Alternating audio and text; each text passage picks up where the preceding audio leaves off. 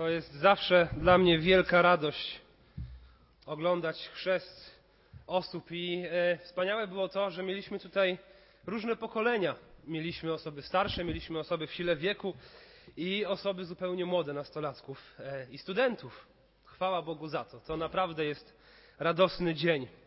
E, w czasie, kiedy katechumeni pastor będą się przebierać, chciałbym nas zachęcić do tego, abyśmy pogłębili jeszcze ten temat poznawania Boga. Zachęcam, otwórzmy e, Dzieje Apostolskie, rozdział 17. E, Z tego rozdziału chciałbym przeczytać kilka wersetów. Żyjemy, tak mi się wydaje, w ciekawych czasach i w ciekawym mieście. E, Żyjemy w czasach, gdzie w kulturze i świadomości wielu ludzi nie ma prawdy obiektywnej. Każdy może sobie wybrać, co chce, aby było prawdą dla niego. I każdy może wierzyć w co chce i może być z tego dumny, nawet jeśli jest to zupełny absurd. Ma do tego prawo. Żyjemy w czasach wielu kultur, w czasach, gdzie różne obyczaje, historie i tradycje przenikają się i powstaje swego rodzaju mieszanka. E, W końcu żyjemy w świecie, w którym nie ma autorytetów. Nie ma ludzi, którzy prawdziwie są w jakiejś dziedzinie ekspertami. Żyjemy raczej w erze celebrytów, w której każdy, kto jest choć trochę znany, może się wypowiedzieć na dowolny temat i media o tym się rozpisują. E, I w bardzo podobnych czasach wydaje się, że żył apostoł Paweł, może pomijając te media. E, Dlatego, że Imperium Rzymskie było ogromne, mieszkały w nim i przewijały się różne kultury, tradycje i religie. Grecy lubowali się w sposób szczególny w różnych filozofiach, w słuchaniu różnych mówców. To była ich rozrywka i wybieraniu tego, za kim chcą iść. A każdy z tych mówców chciał być autorytetem. Zadawano wiele pytań, a zarazem obcowano na takim bardzo niskim e, moralnym poziomie. Czasy podobne do dzisiejszych, chyba się z tym zgodzimy. I właśnie w Atenach, kiedy apostoł Paweł tam był, na Areopagu, miejscu, gdzie te różne filozofie się zbiegały i występowało wielu mówców i nauczycieli, możemy przeczytać o tym, co powiedział Paweł do zebranych tam ludzi. Dzieje apostolskie, 17 rozdział, od wersetu 22 do wersetu 34. Paweł stanął więc na środku Areopagu i powiedział: Ateńczycy, widzę, że w swej religijności jesteście bardzo przezorni. Przechodząc bowiem i przyglądając się waszym świętościom, znalazłem również ołtarz z napisem nieznanemu Bogu. To zatem, co wy czcicie, a czego nie znacie, ja wam głoszę. Bóg, który stworzył świat i wszystko, co na nim, On, który jest Panem nieba i ziemi, nie mieszka w świątyniach zbudowanych rękami. Nie służy mu się też za pomocą rąk, jak gdyby czegoś potrzebował. Przeciwnie, to właśnie On daje wszystkim życie i tchnienie i wszystko. Z jednego też wyprowadził każdy naród ludzki, by zamieszkiwał oblicze całej ziemi, a wszystkim tym narodom ustalił czas i granice zamieszkania, aby szukały Boga. Czy go może nie wyczują albo nie odnajdą, chociaż nie jest on daleki od nikogo z nas. W nim żyjemy, poruszamy się i jesteśmy, jak to niektórzy z waszych poetów wyrazili, bo z jego rodu jesteśmy. I jako pochodzący z rodu Bożego nie powinniśmy zatem sądzić, że boski byt przypomina złoto, srebro, kamień, wytwór sztuki lub myśli ludzkiej.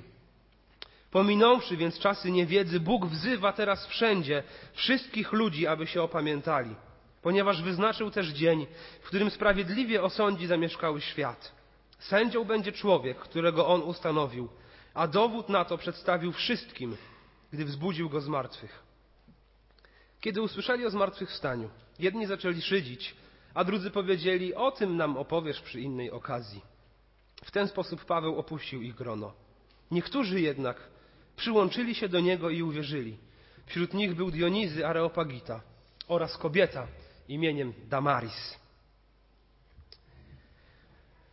Znajdujemy Pawła w jego podróży misyjnej.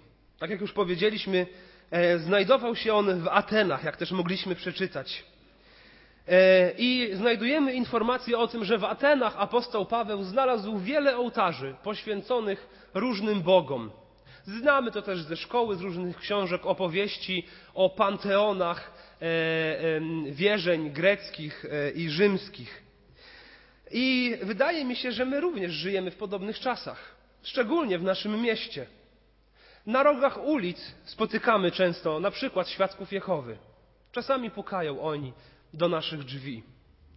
E, ostatnio można spotkać na przykład schludnie ubranych młodych ludzi z charakterystycznym amerykańskim akcentem, rozdających księgę Mormona. E, przy tak zwanej patelni, czyli przy stacji metrocentrum, można spotkać czasami buddystów albo wyznawców Hare Krishna. Na Ochocie e, mamy meczet, a przy Placu Grzybowskim mamy synagogę. Kto ma rację?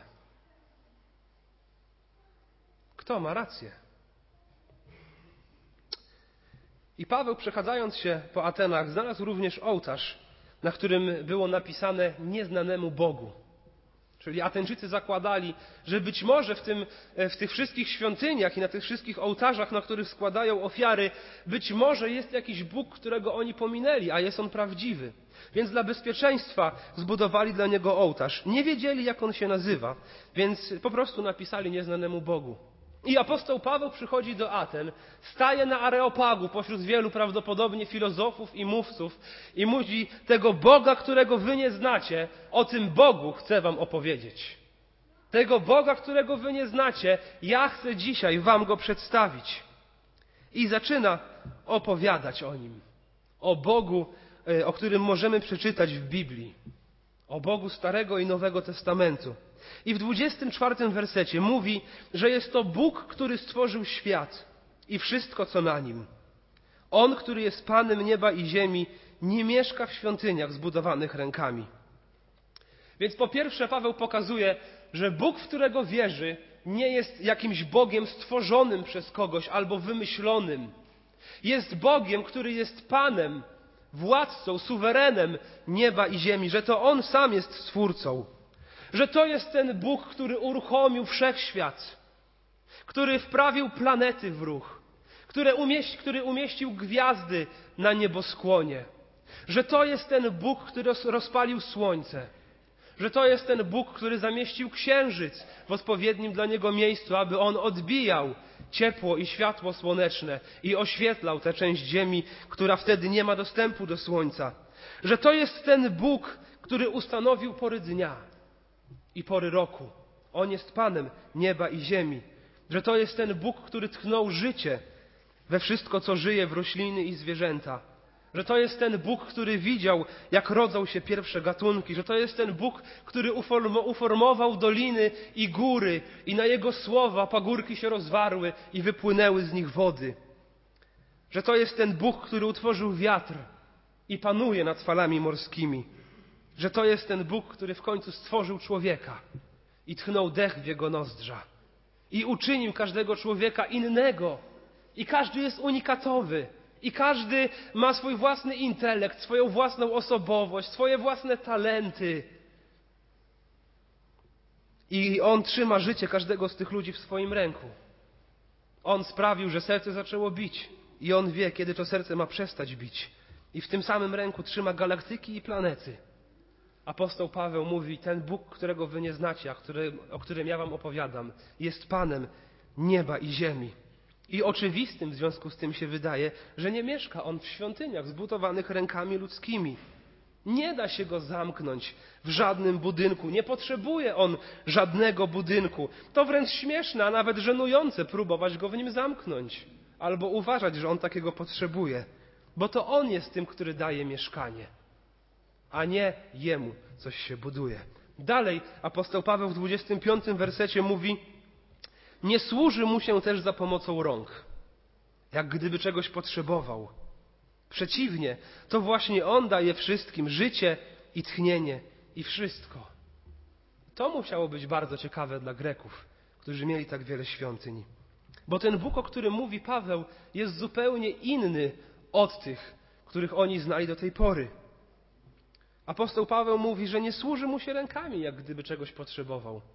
Bo faktycznie, jeśli Bóg jest tak wielki, to co moglibyśmy mu dać, czego on jeszcze nie ma? Wszystko, co mamy, tak naprawdę nie jest w stanie mu zaimponować, bo wszystko i tak do niego należy. I on nie jest jak inni bogowie. On nie musi jeść, ani pić, ani spać. On istnieje od zawsze i będzie istniał na zawsze. On nie jest jak inni bogowie, którego siła jest zależna od tego, jak wiele osób akurat spala na jego cześć ofiary. On zawsze jest taki sam. Bóg, o którym mówi apostoł Paweł, nie potrzebuje zaskarbiać sobie czyjejś przychylności. Ani ludzie nie mogą zaskarbić sobie Jego przychylności jakimiś uczynkami albo ofiarami.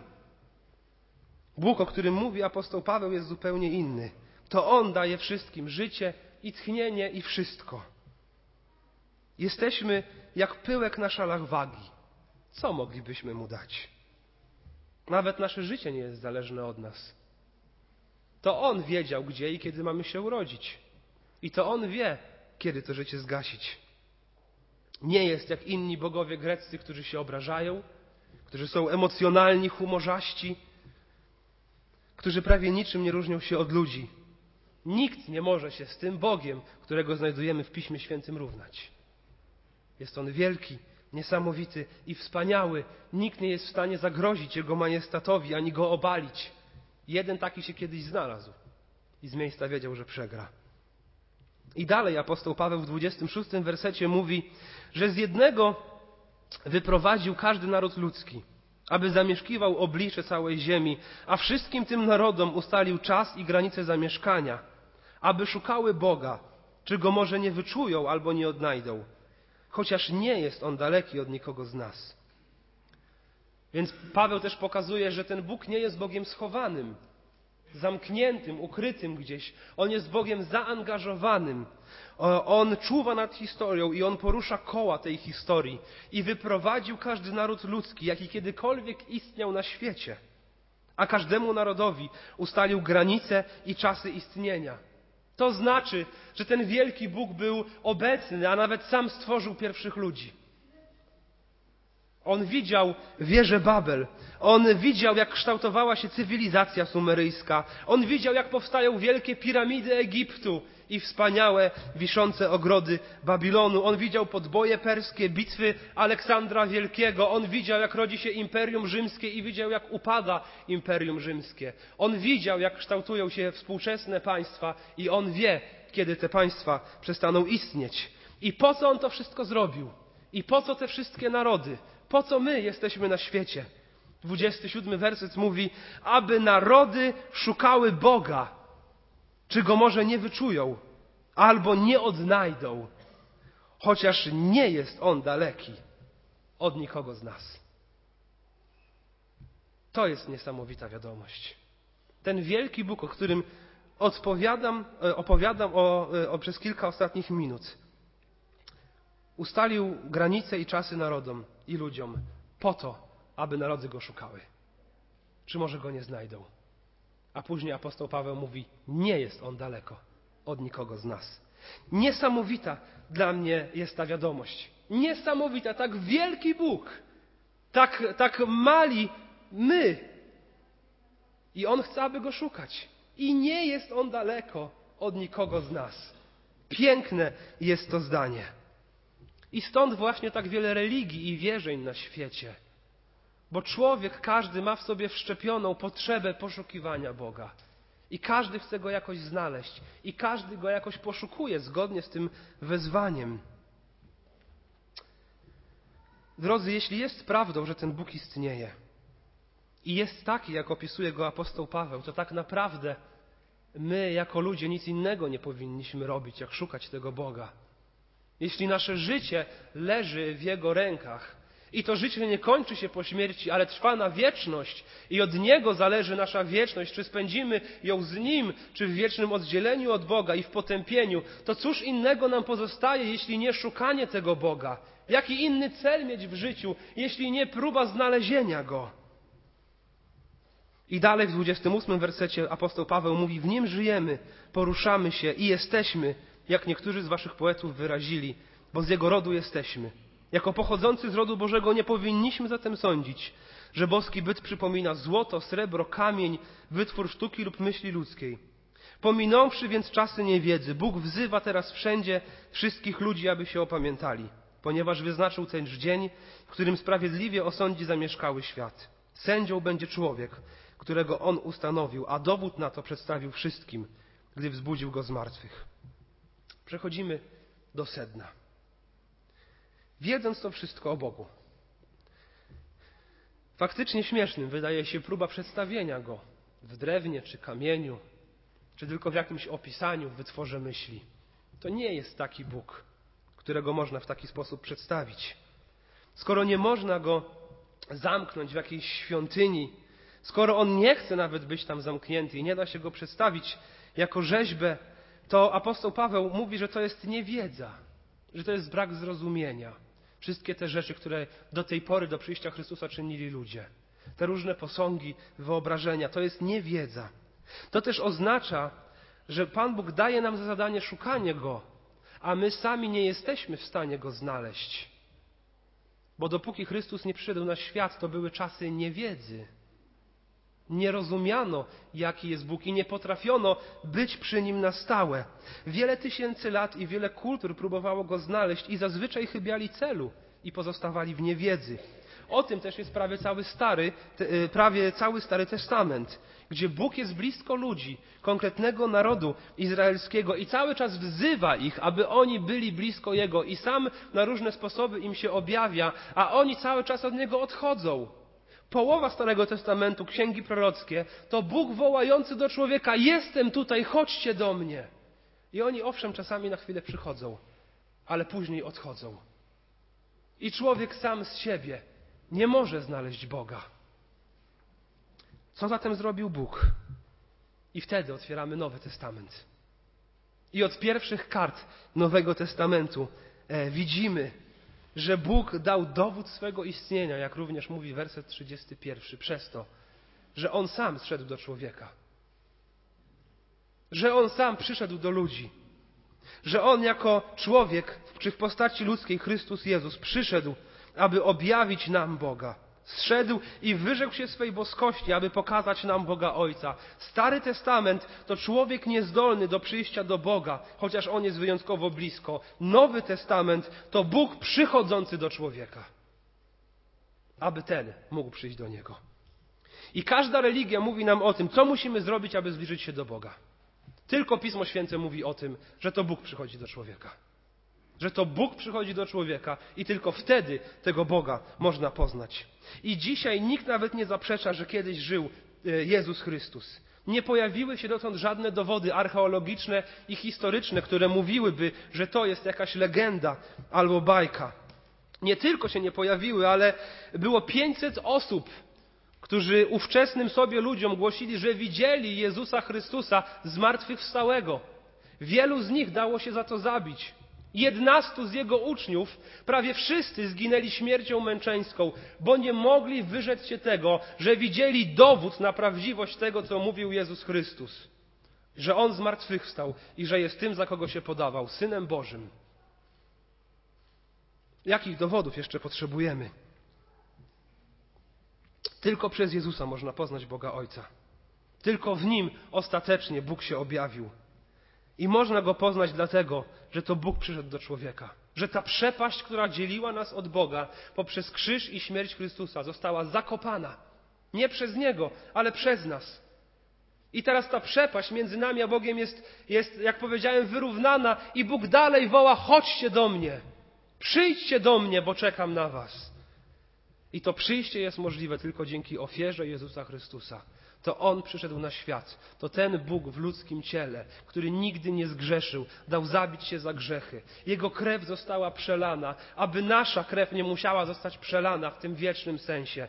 I kiedy Mu uwierzymy, i kiedy, tak jak wzywa również apostoł Paweł, odwrócimy się od swojego grzechu jako konsekwencja tej wiary, możemy uchwycić się tego, że poznaliśmy Boga, bo poznaliśmy Jezusa Chrystusa. I wieczność spędzimy w Jego obecności.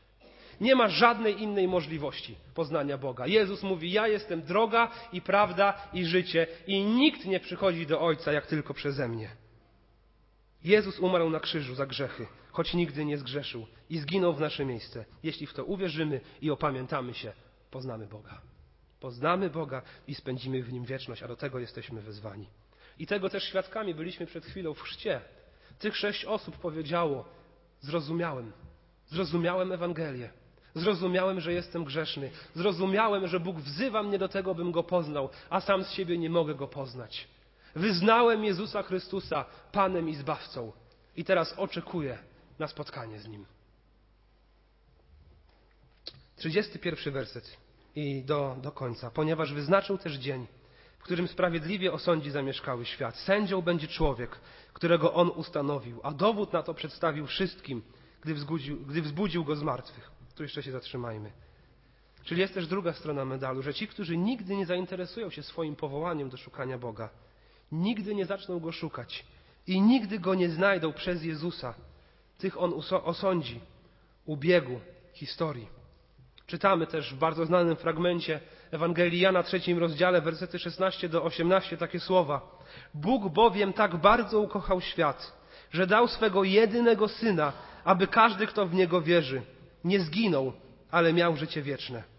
Bóg nie posłał swego syna na świat, aby wydał on na świat wyrok, lecz aby świat został przez niego zbawiony. Ten, kto wierzy w niego, nie stanie przed sądem, lecz na tym, kto nie wierzy, już ciąży wyrok, ponieważ odmówił wiary w imię jedynego syna Bożego. Jest tylko jedna możliwość na poznanie Boga. Jest tylko jedna nadzieja na zbawienie. Jest tylko jedna droga do Boga. Tą drogą jest Jezus Chrystus. Kto wierzy w Niego, nie stanie przed sądem. Kto nie uwierzy, już jest osądzony. Więc czytamy w ostatnich wersetach, że kiedy usłyszeli o zmartwychwstaniu, jedni zaczęli szydzić, a drudzy powiedzieli: O tym nam opowiesz przy innej okazji. W ten sposób Paweł opuścił ich grono. Niektórzy jednak przyłączyli się do niego i uwierzyli. Wśród nich był Dionizy Areopagita oraz kobieta imieniem Damaris. Wielu Pawła wyśmiało, ale byli tacy, którzy uwierzyli uwierzyli, że mogą znaleźć wszechmogącego Boga. Tego, który dla nich był nieznany, a tego, którego znajdujemy w Piśmie Świętym. A ty?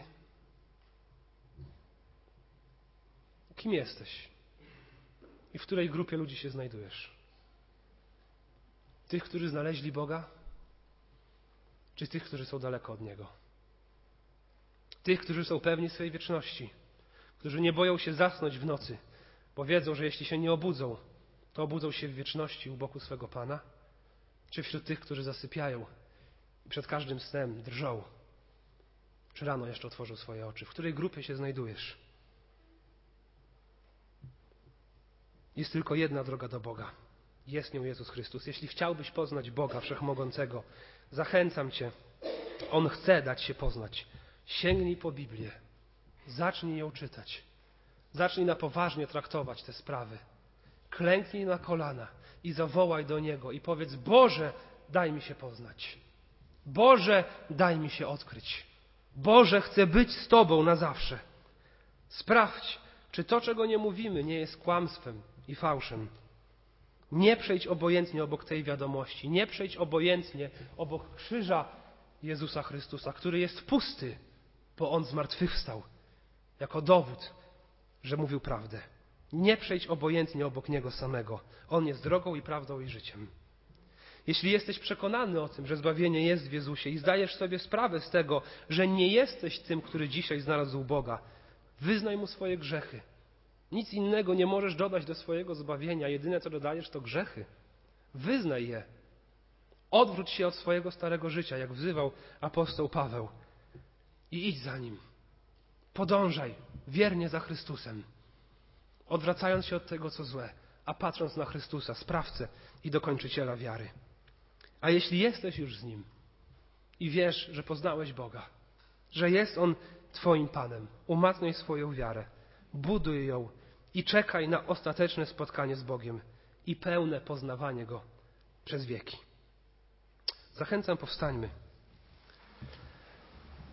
Jeśli. Yy, w jakiś sposób Ciebie to dotyka i porusza, o czym dzisiaj tutaj mówiliśmy, co też widziałeś, chciałbyś o tym w jakiś sposób porozmawiać, albo potrzebujesz modlitwy, albo chciałbyś pogłębić ten temat, to tutaj po nabożeństwie będę czekał na Ciebie i chętnie z Tobą porozmawiam i się pomodlę, będą też na pewno inni ludzie.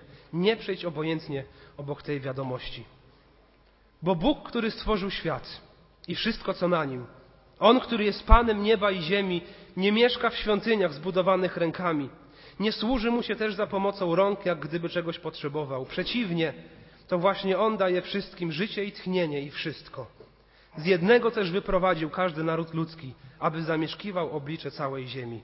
A wszystkim tym narodom ustalił czas i granice zamieszkania, aby szukały Boga, czego może nie wyczują albo nie odnajdą, chociaż nie jest On daleki od nikogo z nas. Zachęcam, jeśli ktoś pragnie uwielbić Boga głośną modlitwą. To jest teraz na to dobry czas.